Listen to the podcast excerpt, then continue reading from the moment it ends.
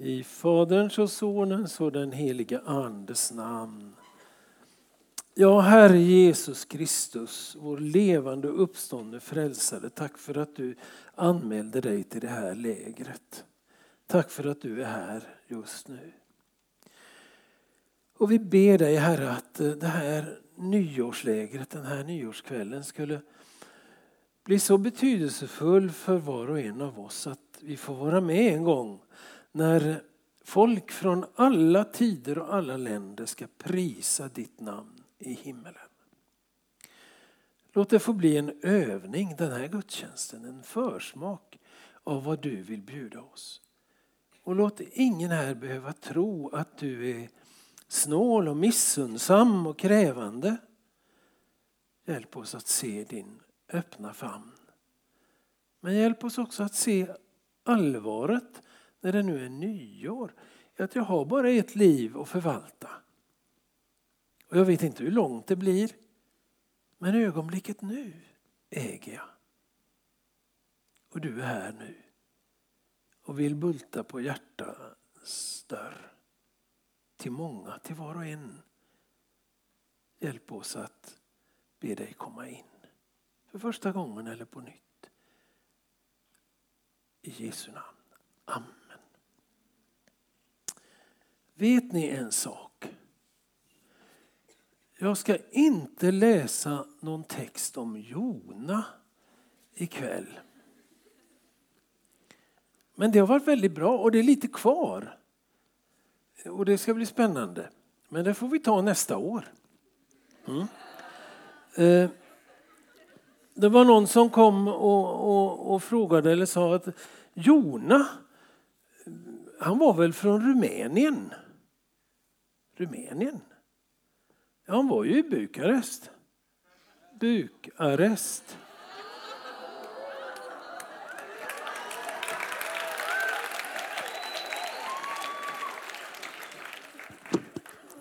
Annars tänkte jag på när Johannes predikade igår kväll, var det väl?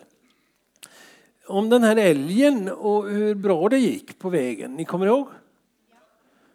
Eh, så eh, började jag tänka på min bil. Jag har aldrig klockat med en älg, jag har bara klockat med ett rådjur en gång. Det var på min födelsedag. På kvällen.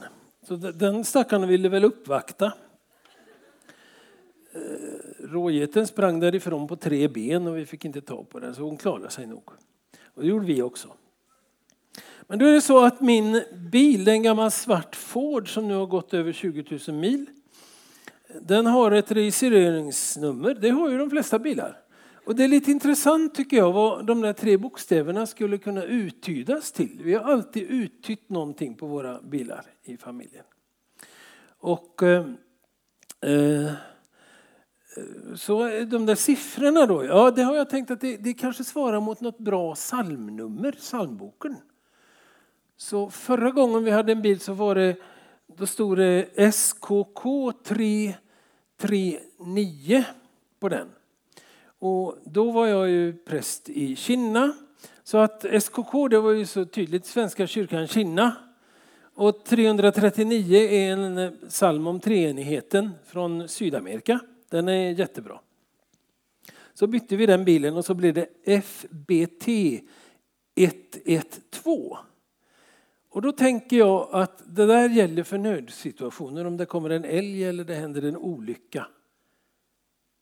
Nej, vad sa jag? FBT? FRM är det. FBT har vi också haft. Det sa barnen att det betydde för bättre transport, men det var en Volvo för länge sedan. Mm. Eh, vi hade en Volvo med MKA 228 och då slog mina elaka ungar upp i Bibeln och hittade Mika 2, 2-8. Och det, där stod det, så sluta upp nu att predika. Så det höll de framför mig. Mm. Men nu står det FRM 112. Och då gäller det för nödsituationer tänker jag. Frälsaren räddar mig. Men för säkerhets skull ring 112. Det tänkte jag på igår när han predikade. Men så stod det en bil, en röd Volvo utanför eh, huvudbyggnaden på Stranden. Det var någon varutransport eller någon som bar in grejer. Nu kom man och bar ut någonting också. Och jag såg ju den här, det var en gammal Volvo. Säkert från eh, 90-talet eller någonting sånt, 20 år. En röd. Och jag läste ju på nummerskylten naturligtvis. Och så kommer mannen ut som har den här, jag visste inte vem det var. Och så sa jag att vilken fin bil du har. Och han såg lite förvånad ut. Ja, jag menar skylten, sa jag. Den skulle jag gärna köpa. Där stod DHA 259. Ja, hur så, sa han. Jo, men det är ju så tydligt. Den helige ande. Och så 259 i psalmboken, det är saliga visshet. Jesus är min. Och då, då tror jag det här var en kristen broder. För att då blir det liksom ett ljus i ögonen på honom. Och så sa ja, så är det ju, sa han. Så är det. Härligt. Nu nog om detta. Det ord som jag tror att Gud har lagt på mitt hjärta ska komma strax. En gång i mitt liv har jag firat nyår i Jerusalem. Det gör man på hösten vid mellan september och oktober där någon gång. Och det är inte alls någon glad högtid med smällare och, och, och bubbel och, och, och, raketer och så, utan det är tvärtom. Faktiskt, om man märker det. Hur firar man nyår i det första förbundet? Det som vår första del av Bibeln handlar om och som är fortfarande mycket aktuell och levande bland alla judar. Jo, genom att ransaka sig själv. Hur har det här året varit? Vi gör lite av det, tror jag. Nyår, man kan ju säga, skaka på axlarna och säga att det är bara, det, det är bara man vänder ett blad, det är bara ett par siffror. Vi skriver 17 idag och vi skriver 18 imorgon. Det är inte mer än så. Men det, jo, det är lite mer än så. Det är ingen stor eh, kristen högtid. Det hände ju inte någonting särskilt på nyår eller sådär. Det är inte som jul och påsk och pingst. Men ändå. I eh, Israel så ser man tillbaka och så tänker man efter och så ber man om förlåtelse. Det gör man också en annan dag i samband med nyåret som kommer lite senare, nämligen på den stora försoningsdagen. Men den kan vi lämna just nu. Men nyåret, hur har det varit? Har det blivit som jag tänkte mig? Vad tänker Gud om mig det här året? Och så ser man framåt och så tänker man att det finns nya möjligheter att rätta till, att hitta rätt väg med både det ena och det andra.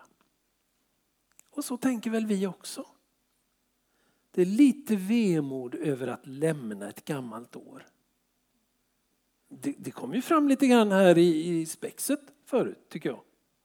Hur har 2017 varit? Och så är det förväntan.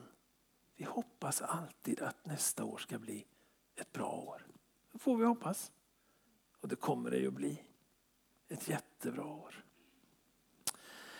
Nu så är det här adresserat särskilt till de cirka tio personer här tror jag som heter Samuel. Det betyder att Gud har hört. Det är sammansatt av el som betyder Gud och det första ledet har med verbet höra att göra. Och bara det är ju en påminnelse om att Gud verkligen hör oss. Eh, jag har ju inte bara sett er vackra utsida nu i nyårskvällen utan vi i omsorgsteamet har ju också fått se in i några insidor. Det är också vackert det vi får se. Men från någon insida har jag hört och nu, nu, nu, nu avslöjar jag väl inte för mycket för så tänker vi allihop ibland att Gud, Gud hör nog inte mina böner. Jag har inget tecken, jag har inte märkt det. Han har inte svarat. Men Bibeln är full av påminnelser om att Gud hör. Och dit hör namnet Samuel. Och om nu Jona, om vi nu ägnar nyår, en del av nyår åt att se tillbaka och Jona levde för länge sedan, 700 år före Kristi födelse, så ska vi gå ännu lite längre tillbaka, cirka 300 år till. Då stöter vi på Samuel. Och när jag nu ska läsa så är han bara en liten pojke. För kanske du kommer ihåg eller också vet du inget om det, det gör ingenting. Men det var så att detta är innan templet i Jerusalem är byggt. Men de har kommit tillbaka från tiden i Egypten och den långa vandringen i öknen. De har burit med sig hela tiden den där kistan, lådan som var så viktig som kallades för arken. Förbundsarken. Och vars förgyllda lock med två änglar på också var väldigt viktigt. Det hette nådastolen. Och det var man rädd om det här. Vad ska vi nu göra med arken? Och I arken hade man tavlorna där Gud hade skrivit budorden med sitt eget finger. Ja, Gud var kanske inte vänsterhänt, det vet jag inte. Nu ska jag med vänster pekfinger för jag har Bibeln här. Men, men, men de förvarade man där. Det har ju försvunnit alltihop det här. Det finns inte kvar. Och så hade man lite manna som minne av att hur Gud hade mättat dem i öknen under 40 år. Och så var det Moses stav som hade grönskat och kanske lite andra grejer i, i den där lådan. Den var viktig. För det var ett vittnesbörd om att Gud var med sitt folk. Och nu hade han låtit dem komma till det här landet som ingen av dem hade sett. Men som alla visste att det gav ju Gud till vår stamfar Abraham en gång. Och nu är vi tillbaka där efter en lång resa. Och då placerade man arken i Silo, eller Shiloh säger de i Israel. Den ligger lite norr om nuvarande Jerusalem och upp mot Samarien. Och där var liksom en, en helgedom. Kyrka skulle vi säga kanske. Och där fanns en präst. Och det var en gammal präst, urgammal och skruttig. Och det är väl därför jag känner sådana sympatier med honom och gärna plockar fram honom nu här. Eli hette han. Han hade två söner som också var präster och skulle sköta den här helgedomen. De var ena riktiga rackare. De gjorde det som var ont i Guds ögon, står det. Sen, sen eh, får vi inga exempel på vad det var som var ont. Men de struntade i det här med, med det heliga och levde loppan istället. Och Elis sörjde över detta. Men så hade han fått någonting. En ungdom. Och det är ju underbart för en gammal präst att få ha med ungdomar att göra. Det här var en riktigt späd ungdom. Det är Samuel. Och Samuels mamma Hanna och hans pappa Elkana hade väntat länge på honom och så fick de honom. Och då tycker vi att det är jättekonstigt här för att de här föräldrarna, särskilt mamman då, ger bort Samuel till helgedomen. Och där har han varit sedan han var fyra år ungefär. Ja, de kom dit och så där och såg till att han fick mat och, och, och Eli försåg honom med kläder. Han fick prästkläder redan som femåring. En linneefod. Och Samuel kom att betyda så mycket för Eli. Han sörjde över att efter honom så blev det inte så bra. Men nu har han den här, den här ungdomen här som han kan påverka och visa vad, vem Gud är och hur viktigt det här är med Gud. Nu är jag framme vid det tredje kapitlet i första Samuelsboken. Och då vet vi inte hur gammal Samuel är, men nu är han kanske, han är kanske tonåring. Han är kanske nästan som du. Och han är på ett läger som varar året runt.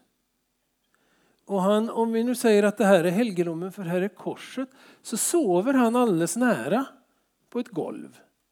Så det är ganska stora likheter med en del här. Pojken Samuel gjorde tjänst inför Herren hos Eli. Och så kommer en mening och då kan vi ju fundera på, är det så nu också? Som det var då för 3000 år sedan. Herrens ord var sällsynt på den tiden och profetsyner var inte vanliga. Då hände en gång detta medan Eli låg på sin plats. Hans ögon hade börjat bli skumma så att han inte kunde se. Guds lampa hade ännu inte slocknat. Och Samuel låg i Herrens tempel där Guds ark stod. Då kallade Herren på Samuel. Här är jag, svarade Samuel. Eller här är jag. Eller här är jag. Det vet vi inte. Han sa hineni på hebreiska. Det kommer många gånger. När Gud ropar på någon, på Abraham, på Noa. Många gånger så svarar de hineni. Det betyder okej, okay, här. Mitt tillägg.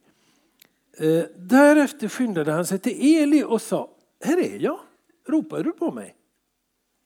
Men Eli svarade, jag har inte ropat. Gå tillbaka och lägg dig. Och han gick och la sig. Herren kallade än en gång på Samuel och Samuel steg upp och gick till Eli och sa, här är jag, du ropade ju på mig. Men han svarade, jag har inte ropat min son, gå tillbaka och lägg dig.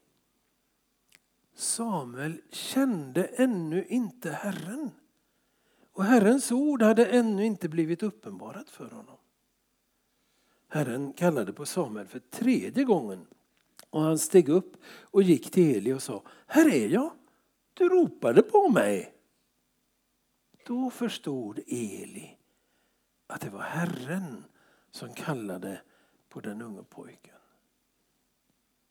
Därför sa han till Samuel, gå och lägg dig och om han ropar på dig så säg tala Herre, din tjänare hör.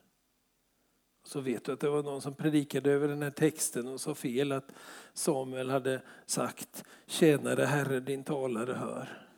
Men det var precis tvärtom. Och så lärde sig Samuel det. Han gick och la sig på sin plats. Och då kommer Herren och ställde sig där och ropade som förut. Samuel, Samuel. Samuel svarade, tala din tjänare hör. Och med det kan vi säga, för jag ska inte läsa så mycket mer nu, att då började ett fantastiskt liv. Där Gud fick använda Samuel på ett underbart sätt. Det kan du läsa om mera i Samuelsböckerna. Och det har ju liksom med Davids kallelse och utkårelse att göra. Och så. Men står det i slutet på det här kapitlet, jag hoppar över lite. Samuel växte upp och Herren var med honom. Och han lät ingenting av allt vad han sagt falla till marken.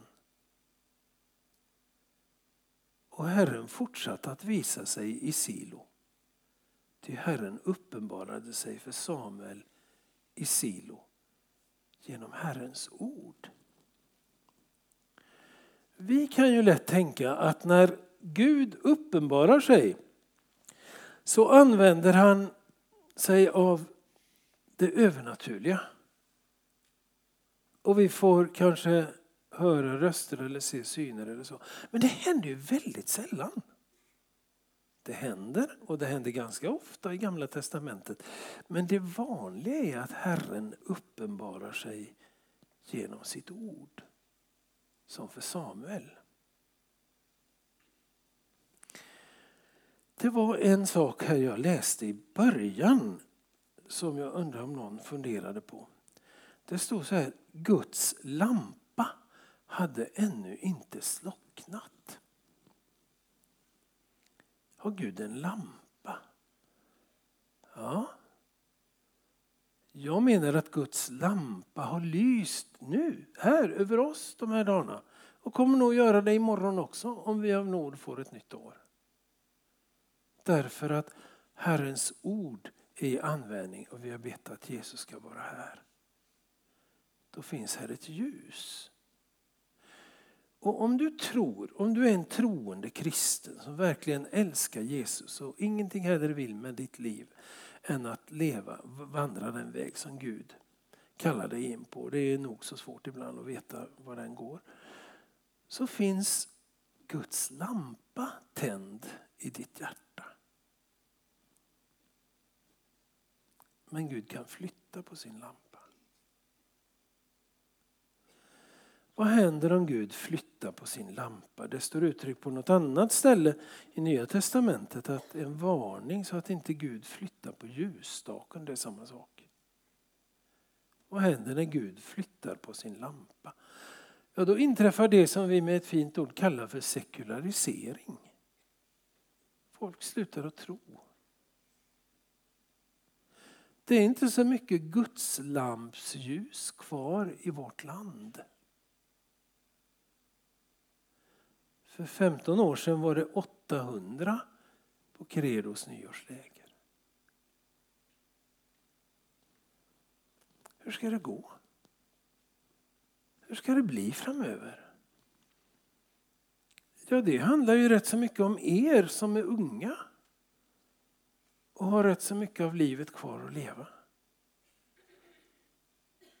Vad händer om Gud flyttar sin lampa ut ur ditt liv? Det vill säga om du glesar ut det här med, med kyrkogång och bibelläsning och bön och allting sånt där.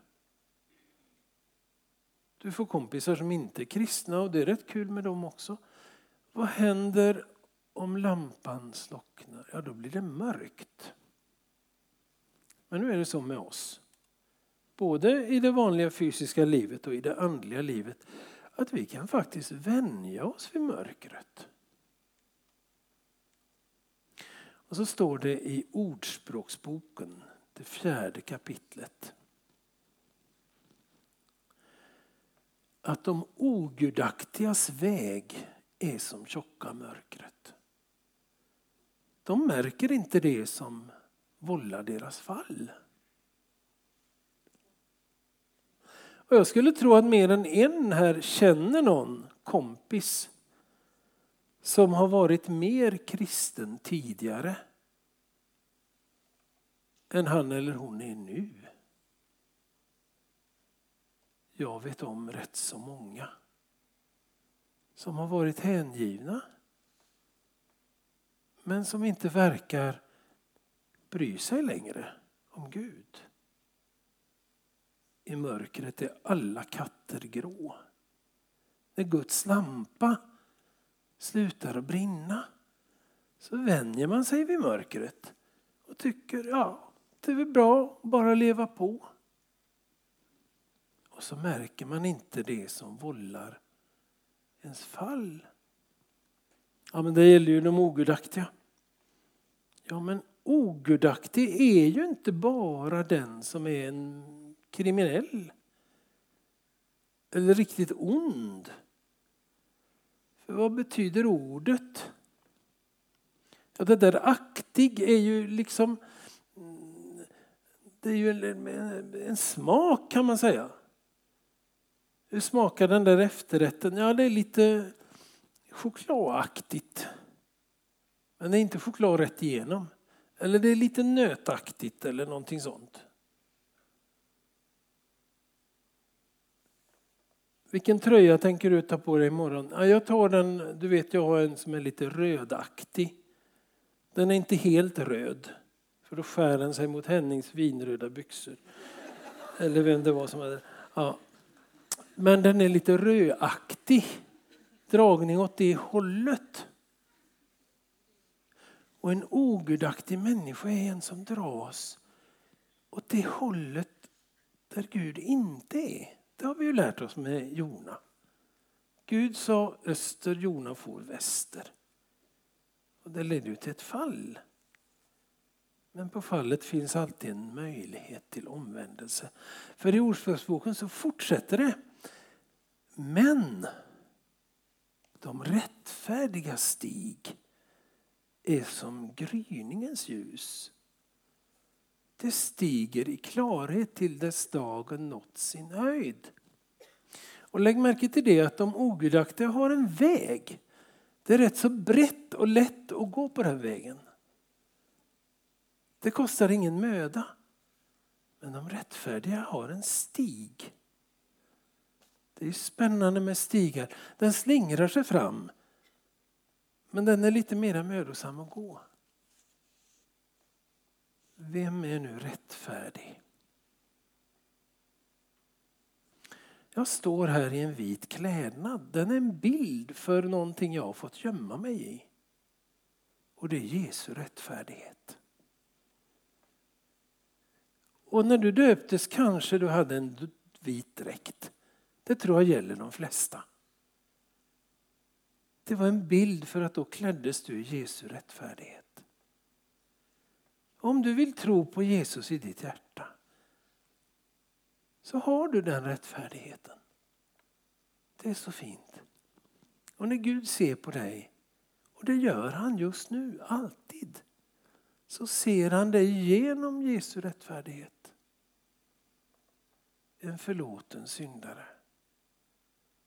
En svag människa. Men en som kommer att växa i klarhet. Inte så att hon blir större och större och mer och mer lysande inför människor. Men en som kommer närmare och närmare mig. Guds lampa hade ännu inte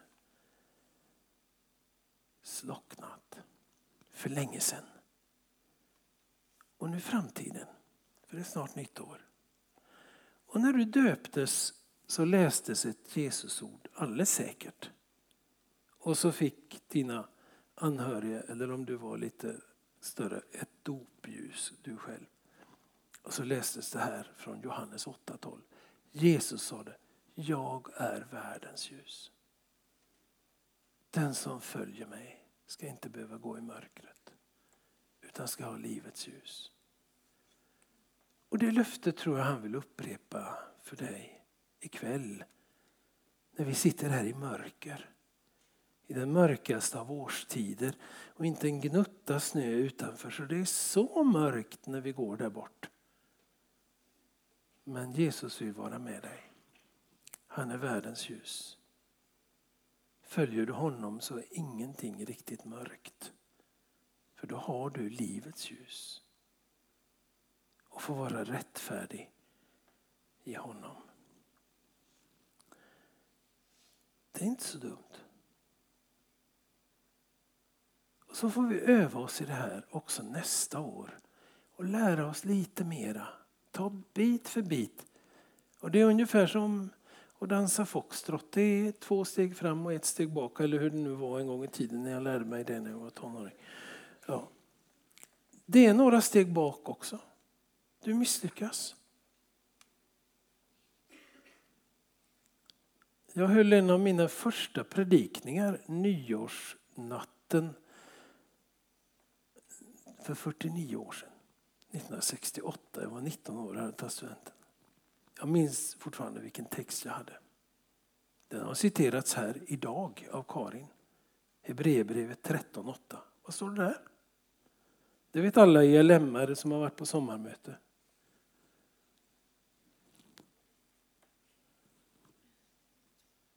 Nej, det var ingen som vågade. Va?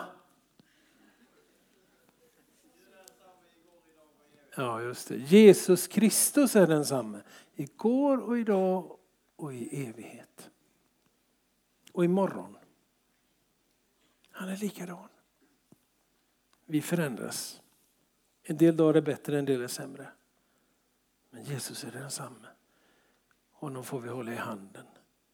Han är världens ljus. Då slocknar inte Guds lampa. Och när du hör Guds röst i ditt hjärta så får du säga Här är jag. Tala Herre. Och han vill göra det så att du kommer på rätt väg hela livet. Ända in i evigheten. Amen.